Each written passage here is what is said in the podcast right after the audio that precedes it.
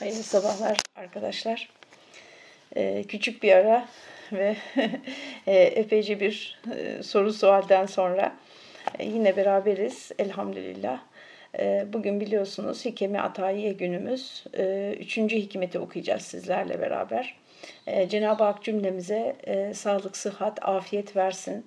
E, efendim bu sağlık, sıhhat ve afiyeti dilerken artık ben dualarımda e, aklımıza, kalbimize, bedenimize, e, ruhumuza sağlık, sıhhat, afiyet diliyorum. E, ve e, doğru düşünmek, doğru hissetmek, doğru yani algılamak efendim e, de sağlığın ve sıhhatin bir parçası diye düşünüyorum. Önemli bir parçası diye düşünüyorum. E, Cenab-ı Hak cümlemizi afiyet dairesinde etsin her anlamda.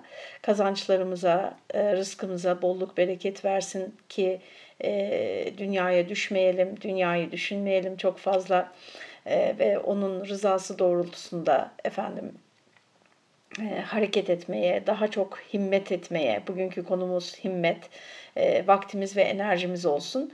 Böyle bir duadan sonra şimdi üçüncü himmete başlayacağız okumaya arkadaşlar. E, ağırlıklı olarak bugün e, kader ve insanın e, çabası işleniyor bu bölümde. E, şimdi küçük bir izah e, yapayım e, kendi yaklaşımıma dair. E, şimdi arkadaşlar böyle büyük metinleri, klasik metinleri okurken tabii ki bunların müelliflerine hani söylemeye bile gerek kalmayacak şekilde çok saygı duyuyorum. Yani bu ister İslam dünyasından olsun, ister başka inançlardan olsun şu anlamda saygı duyuyorum. Yani onların kafalarına, onların efendim gösterdikleri çabaya, ortaya konulan eserin asırları aşıp bugünlere kadar gelmesi ve bugün de değerini koruması bunlar küçümsenecek şeyler değil arkadaşlar. Tabii ki e, bizim kendi ulemamızın e, eserleri bu açıdan bir de bize yol gösterici olduğu için e, ve e, o klasik metinleri ben mesela o çabayı da çok takdir ediyorum. Müthiş bir şey. Yani elinizde sadece Kur'an ve sünnetin olduğunu düşünün. Mesela ilk dönem Müslümanlar için. Oradan nasıl mesela bir takım esasları çıkardılar, usul ilkelerini çıkardılar, efendim onları uygulamaya dökecek prensipleri, ilkeleri çıkardılar Sonra e, oradan nasıl bir müfredat oluşturdular, işte bir Müslümanın şunları şunları bilmesi lazım diye değil mi? Bunlar çok kıymetli çalışmalar arkadaşlar. E, yani büyük, çok büyük bir emeğin, e, çok büyük bir e, nasıl diyeyim e, eserin üzerinde oturuyoruz biz.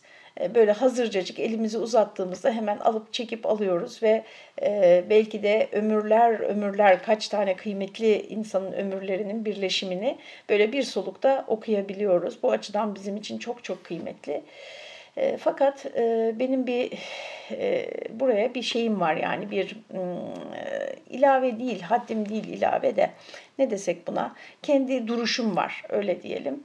O da böyle kayıtsız şartsız yazılan her şeyi hiç düşünmeden üzerinde kabul etmemek. Ee, yani şöyle kabul etmemek, karşı çıkmıyorum elbette ama anlamaya çalışıyorum. Yani anlamam gerekiyor ve tutarlı bir şekilde anlamam gerekiyor. Yani e, ben bir taraftan Kur'an ve sünneti okuyorsam işte daha ve bütün e, işte Gazali'yi, işte burada olduğu gibi Ataullah İskenderi'yi veyahut da işte bir takım klasik tefsirleri, hadisleri, hadis kaynaklarını e, okuyorsam bütün okuduklarım arasında tutarlı bir sonuca ulaşmak istiyorum. Dolayısıyla bazıları bazılarıyla çeliştiğinde e, burada bir şey var diyorum.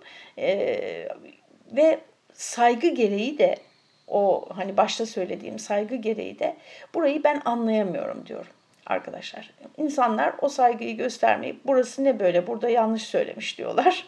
Ee, ona, ona da e, bir şey diyemem. Herkesin e, duruşu farklı, kendini konumlandırdığı yer farklı.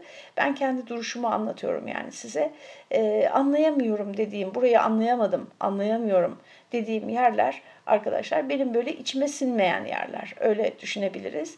Şimdi burada da bugün okuyacağımız bölümde de e, inşallah halledebiliriz ama böyle anlayamadığımız yerler olabilecek yani.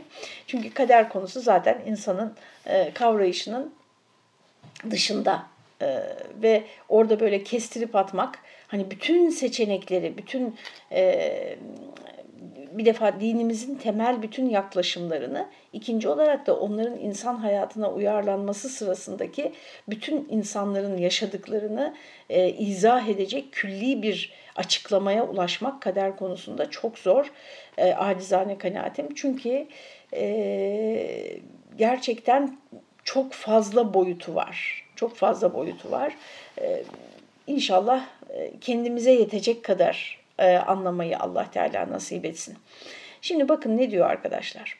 E, üçüncü hikmet. Bismillahirrahmanirrahim. Himmetler ne kadar ileri, istekler ne kadar yüksek olursa olsun Cenab-ı Hakk'ın kader surlarını yıkamaz. Bu tasavvufun genel yaklaşımıdır arkadaşlar. Tasavvuf böyle tasavvufi metinleri okursanız neredeyse cebriyeye yaklaşan bir e, yaklaşım görürsünüz e, kader konusunda. Cebriye nedir? Cebriye insanın iradesini, e, insanın kendisi tercihlerinin hayatı üzerindeki etkisini e, sıfıra yakın gören, sıfırlayan hatta efendim insanı klasik benzetişle rüzgarın önündeki bir yaprak gibidir kader karşısında insan diyen ve işte kaderde ne varsa ona teslim olmak gerekir. E, çabalamak boşuna, itiraz etmek, isyan etmek boşuna der, der Cebriye ekolü.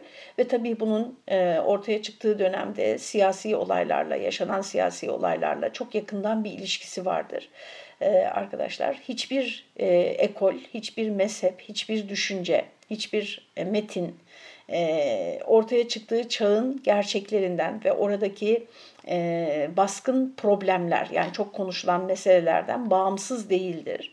Dolayısıyla o içinde bulunduğu çağla birlikte kavramak gerekir. Yani bu mezhep niye böyle bir düşünceye e, saplanmış veyahut da bu düşünce neden nasıl olmuş da revaç bulmuş Müslümanların arasında bunu anlamaya çalışırken biraz tarihe, e, siyasi tarihe, sosyolojik tarihe, kültür tarihine bakmak gerekir.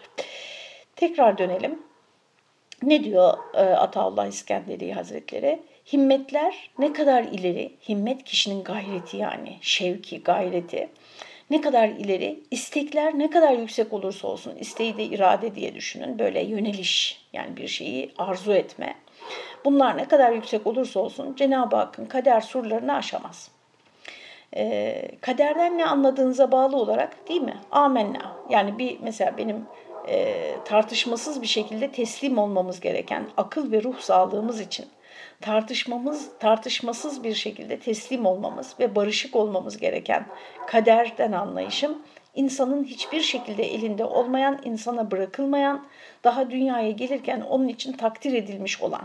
Bununla barışık olmak gerekir. Mesela işte cinsiyetiniz, mesela milliyetiniz, mesela yaşadığınız doğduğunuz e, ırk, dünya, coğrafya, efendim mesela aileniz değil mi? E, aile bağlarına ve sıla rahime Kur'an ve sünnette bu kadar çok vurgu yapılmasını da o kadere teslimiyeti e, en çok yaşadığımız alan olduğunu düşündüğüm için öyle olduğunu e, hissediyorum. E, yani işte benim dayımı, halamı ben seçmedim değil mi? Allah seçti benim için. Dolayısıyla onlarla ömrüm boyunca üstelik benim seçmediğim belki de neredeyse hiç ortak noktamın olmadığı e, zevkler anlamında, efendim inanç ve kültür anlamında belki de yani e, bu insanlarla ömrüm boyunca iyi geçinmek ve onları koruyup kollamak. Bakın sadece iyi geçinmek değildir sıla Rahim. Koruyup kollamak, ihtiyaçlarında yanında olmak, bilinci derecede e, öncelikle onları onları gözetmek yani e, kendi imkanlarımla.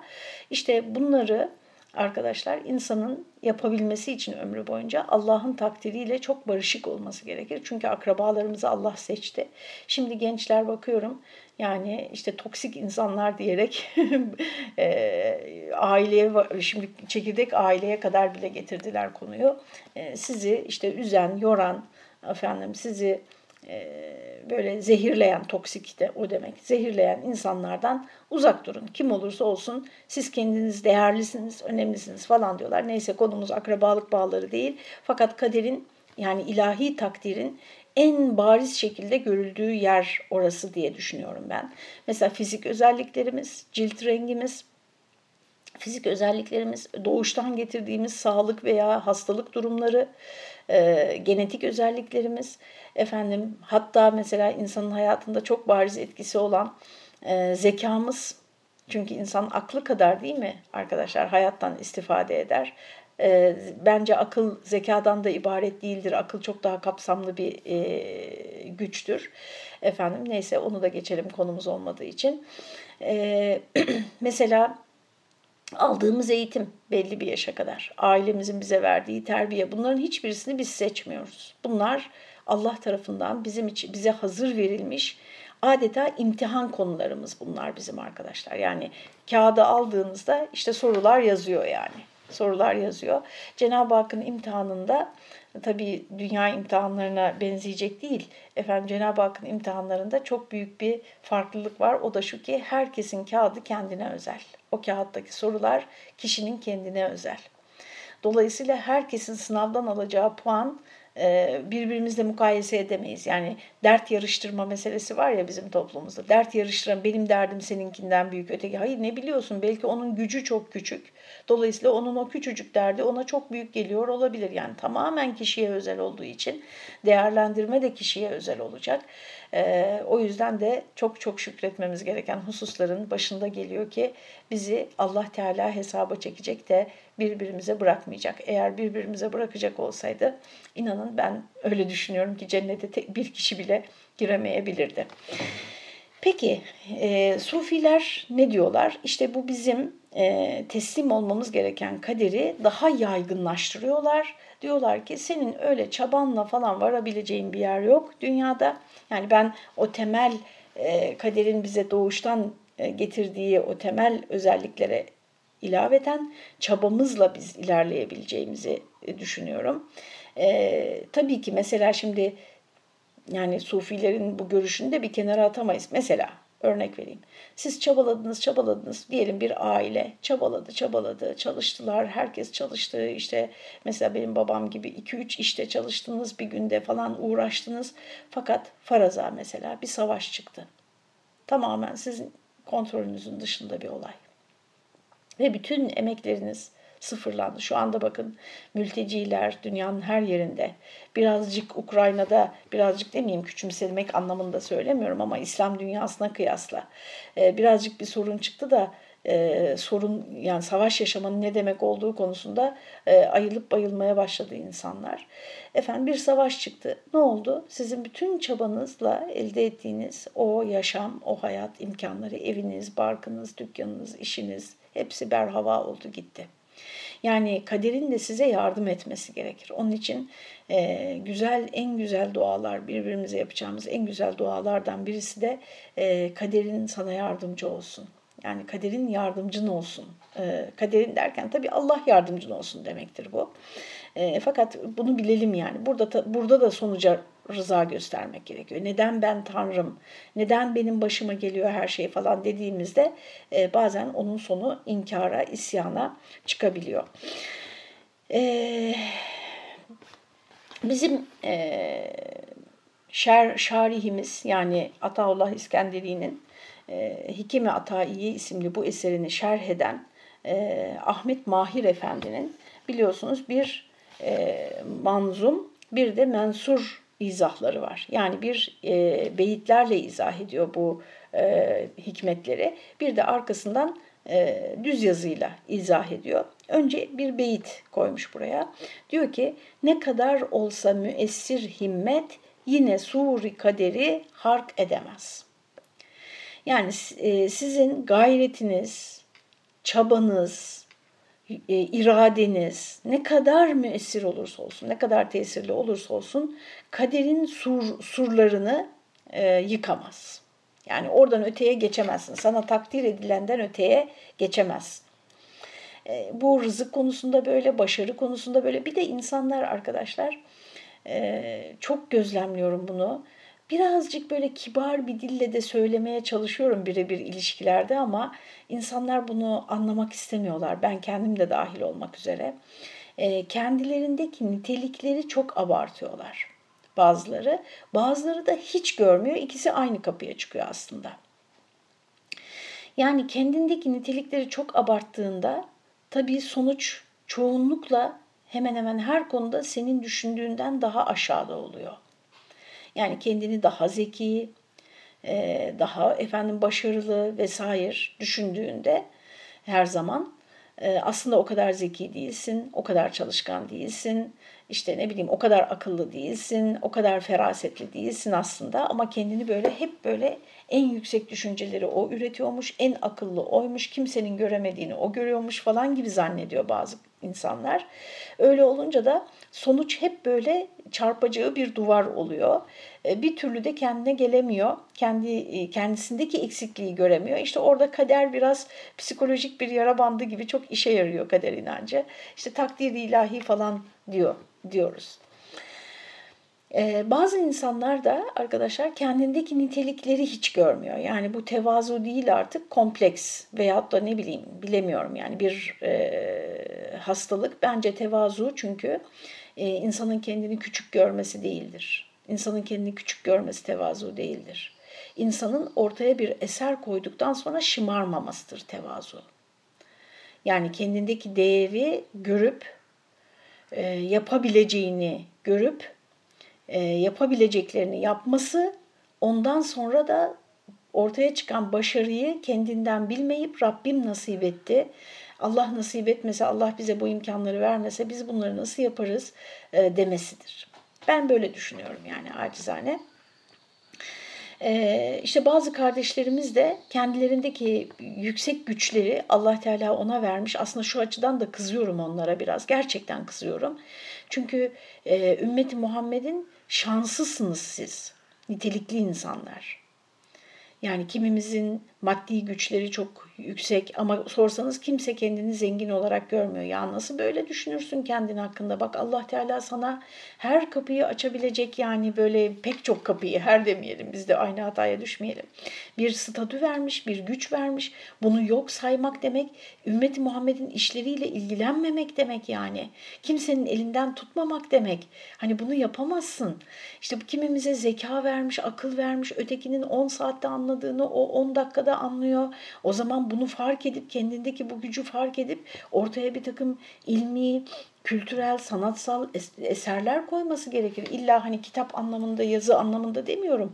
E, pek çok alan var e, insanlığın ihtiyaç duyduğu. Bilim alanında mesela ortaya eserler koyması gerekir. Yok ama o o kadar güya hani tırnak içinde mütevazi ki e, ben benden hiçbir şey olmaz. Ben ben neyim ki falan diyor. Efendim bu da bakın işlevsizlikle sonuçlanıyor. İşlevsizlikle sonuçlanıyor. E, şimdi arkadaşlar e, Allah Teala'nın verdikleriyle barışık olmak, o en peşin verdikleri bir defa hani bizim hiçbir çabamız olmadan. İkincisi de yani benim ulaştığım mutedil görüş. İkincisi de e, Allah'ın sana verdiklerini gördün. İşte bak şu şu şu hususları sana vermiş. Ondan sonra oradan yürüdün, ilerledin, gayret ettin orayı geliştirmek ve e, ortaya bir eser koymak için. Fakat senin kontrolünün dışında bir hayat olayıyla karşılaştın. Bir trafik kazası geçirdin, felç oldun, kaldın. Efendim ne bileyim savaş çıktı. Özel hayatında çok büyük bir arbede oldu, alt üst oldu her şey.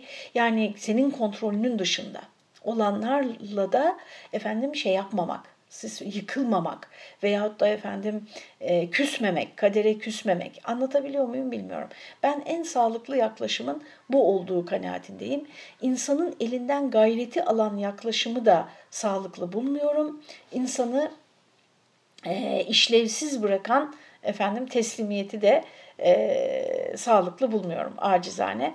Ya da ben anlayamıyorumdur. Yani muhtemelen öyledir. Bu insanlar herhalde benim düşündüğüm kadarını düşünebiliyorlardı. Ama onlar belki perdenin öbür tarafını da gördükleri için e, bu sonuca vardılar. Biz daha bu taraftayız. E, o yüzden elbette onların sözlerinden anlayamadıklarımızın olması çok doğal. Burada geçen himmetten murat eşyada Allah'ın izniyle etkili olan nefs kuvvetidir. E, bunlar evliya için keramet, sihirbazlar için istidraç olur. Yani himmet dediğimiz şey nedir? İnsanın gayretidir. Gayretidir, çalışmasıdır ve o çalışma sonucunda ulaştıklarıdır. Evliya için bunlar keramettir, e, sihirbazlar için efendim istidraçtır. Yani fevkalade keramet gibi görünen fevkalade başarılar. Nazar değmesi de bunun gibidir demiş. Sihir ve nazar esersiz sebeptir. Yani e, çözemediğimiz bir güç bunlarda.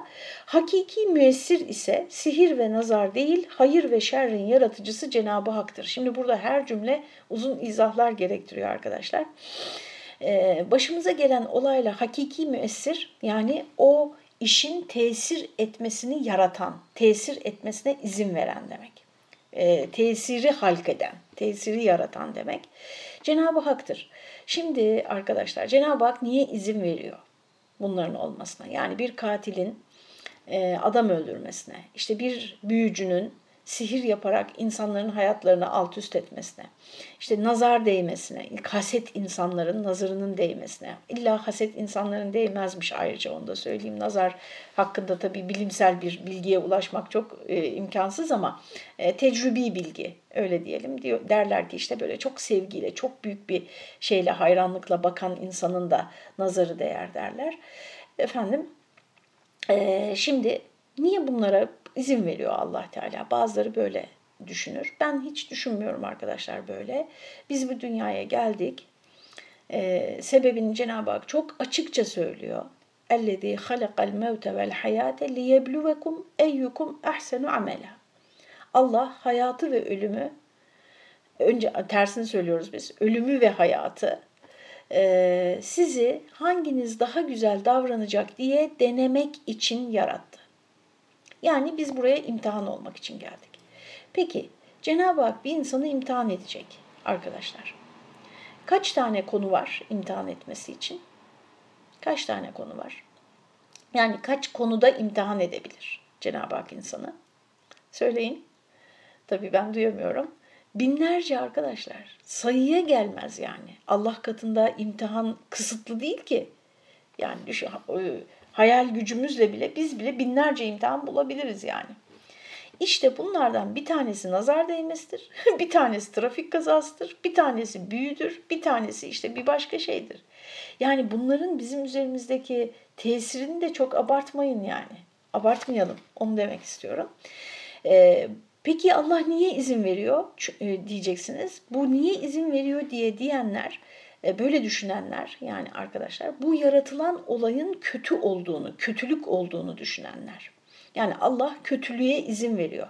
Halbuki yaratılan olay kötü değildir arkadaşlar. O olayı senin nasıl yorumladığın, oradan nasıl bir e, sonuç çıkardığına bağlı olarak değişir. Bu yaratılan olayın sonucu. Yani e, olayların sonucu bizim o olayları değerlendirip ona göre tavır almamızla belirlenir. Ben bunu e, şuna benzetiyorum. Arkadaşlar hayat her an, her gün değil bak. Her an seçimler yapmakla ilgilidir. Her an biz seçim yaparız. İşte hangi başörtüyü takacağım, e, kaçta kalkacağım, onu kalktım ne yapacağım, ilk önce bir bardak su mu içsem, yani her an küçük ve büyük seçimler yaparız biz.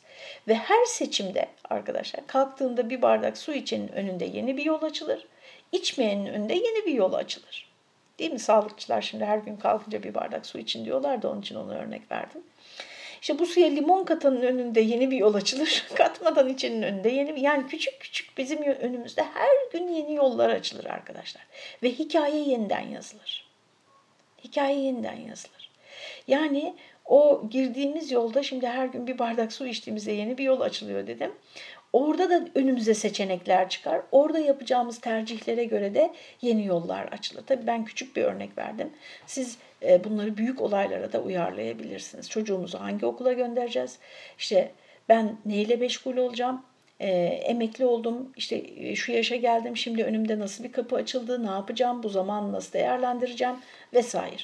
E, şimdi arkadaşlar e, sonuçlar işte dediğim gibi e, yaşadığınız hayattaki e, size dert gibi görünen e, imtihanların sonuçları o dert karşısında sizin alacağınız tavırla ilgilidir. Yani buna kişisel hayatımda da inanılmaz örnekler var ama onları burada paylaşmak istemiyorum. Siz her biriniz kendi hayatınızdan örnekler bulabilirsiniz buna. e, hayrın ve şerrin yaratıcısı Allah'tır yani. Ama asla Cenab-ı Hak şer dilemez kulu için. Bak buna bunu bunun aksini düşünmek demek Cenab-ı Hakk'a itimat etmemek demektir arkadaşlar. Biz Cenab-ı Hakk'a itimat etmezsek darmadağınık oluruz arkadaşlar. Oluyor zaten insanlar. Cenab-ı Hakk'a itimat, o bizim en yakınımızdır. Bütün varlık aleminde ananız, babanız, kardeşiniz, çocuğunuz, eşiniz fark etmez. Size en yakın, sizi en çok sevdiğini ve önemsediğini düşündüğünüz insanlar hepsi, hepsi dahil arkadaşlar. Hiç kimse bize bizim iyiliğimizi Allah Teala kadar düşünmez. O her zaman bizim hayra çıkmamızı ister. Hep bakın bakıyorum bazı insanlara arkadaşlar bir kitap okumuş, birini dinlemiş, bir rüya görmüş. O etkiyle hayra yönelmiş. Bu ötekilere olmuyor mu sanki? Hayrı seçmeyenlerin başına. Bakıyorum ben kendi çevremde. Aman Allah'ım Cenab-ı Hak ne imkanlar vermiş. Kur'an'la da karşılaştırmış onu, Müslümanlarla da karşılaştırmış, güzel örneklerle de ama o kötü örnekleri seçmiş. Or orayı seçmiş. Yani Cenab-ı Hak hepimize her an elini uzatır arkadaşlar. Her an yardımını uzatır. Ama biz inat ettiğimiz için belli bir yolda inat ettiğimiz için onun sunduğu diğer seçenekleri görmezden geliriz. Asla ve asla bizim kötülüğümüzü istemez. Ee, Efendimiz sallallahu aleyhi ve sellem Cenab-ı Hak kulunu affedip cennete koymak için bahane arar diyor bahane arar. Yani tutulacak bir taraf arar. Bununla ilgili e, çok hadisler var şu dar vakitte aktaramayacağımız. E, kişi işte kendisi o yaşadığı şeyleri kötü yorumlayarak, kendini şanssız, kadersiz, kısmetsiz algılayarak e, kendisine sunulan o imtihanlardaki fırsatları göremez. Biraz kişisel gelişimci gibi konuşuyorum ama hakikaten bu böyledir yani. Onların da elbette isabet ettikleri yerler var. Öyle olunca da ister istemez e, uyum oluyor arada. E, nazar değmesi de böyledir dedik. Halbuki hakiki müessir sihir ve nazar değil, hayır ve şerrin yaratıcısı Cenab-ı Hak'tır. O halde himmet, keramet, istidraç takdir surlarını geçemiyorsa yani bunlar en yüksek derecede kudretler tasavvuf ehline göre. Bunlar takdir surlarını geçemiyorsa adi himmetin, adi himmet dediği bizim işte gayretimiz yani rasyonel gayret çabalar, bir işi nasıl yapmak gerekiyorsa öyle yapma konusunda sarf ettiğimiz çaba. Buradaki adi, e, ahlaki anlamda adi değil arkadaşlar. Sıralamadaki en basit yani anlamında, basit anlamında. Basit himmetin ezelde belirlenmiş kader karşısında ne önemi olabilir? İşte e, arkadaşlar bu soruyu soruyor ve arkasından devam edecek ama bizim süremiz bitti. E, haftaya inşallah devam edeceğiz. Fakat e, ben bu konuyu şöyle kendi içimde halledebildim en başta söylediğim gibi. Bir, kesinlikle aşamayacağımız, bize ezelde takdir edilmiş ve doğuştan getirdiğimiz konular var. Bir, kendi çabalarımız sonucunda bizim planlamadığımız, yaşadığımız çağdan dolayı, yaşadığımız coğrafyadan dolayı karşımıza çıkan engeller ve sınırlar var. İşte onlar kaderin surları arkadaşlar. Onları aşamıyoruz. Kaderin surlarının önünde dikilip o surlara kafanı vura vura kendini helak etmektense arkadaşlar bir başka geçiş yolu bulmamız gerekiyor. Ben ona şey diyorum, kapalı bir kapının önünde bekleyip durmam. Diğer kapılara bak.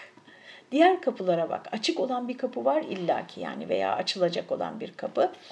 E, bu surların karşısında e, evliyanın kerameti, sihirbazların istidracı bile tesir etmediğine göre, bir e, buradan aşamadığına göre e, insanların basit himmetleri, basit gayretleri yani böyle manevi boyutu olmayan basit himmetleri nasıl aşabilir bu surları diyor.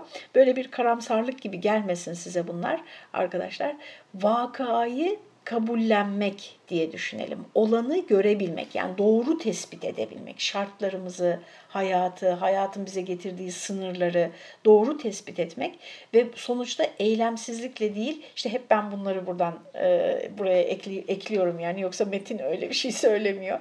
Eylemsizlikle değil efendim eylemimizi daha verimli olacak alanlara, sahalara, kapılara e, yönetmekle biz bu işin içinden çıkabiliriz ama konu daha bitmedi Haftaya kaldığımız yerden devam edeceğiz. Allah'a emanet olun. Hepinize hayırlı günler.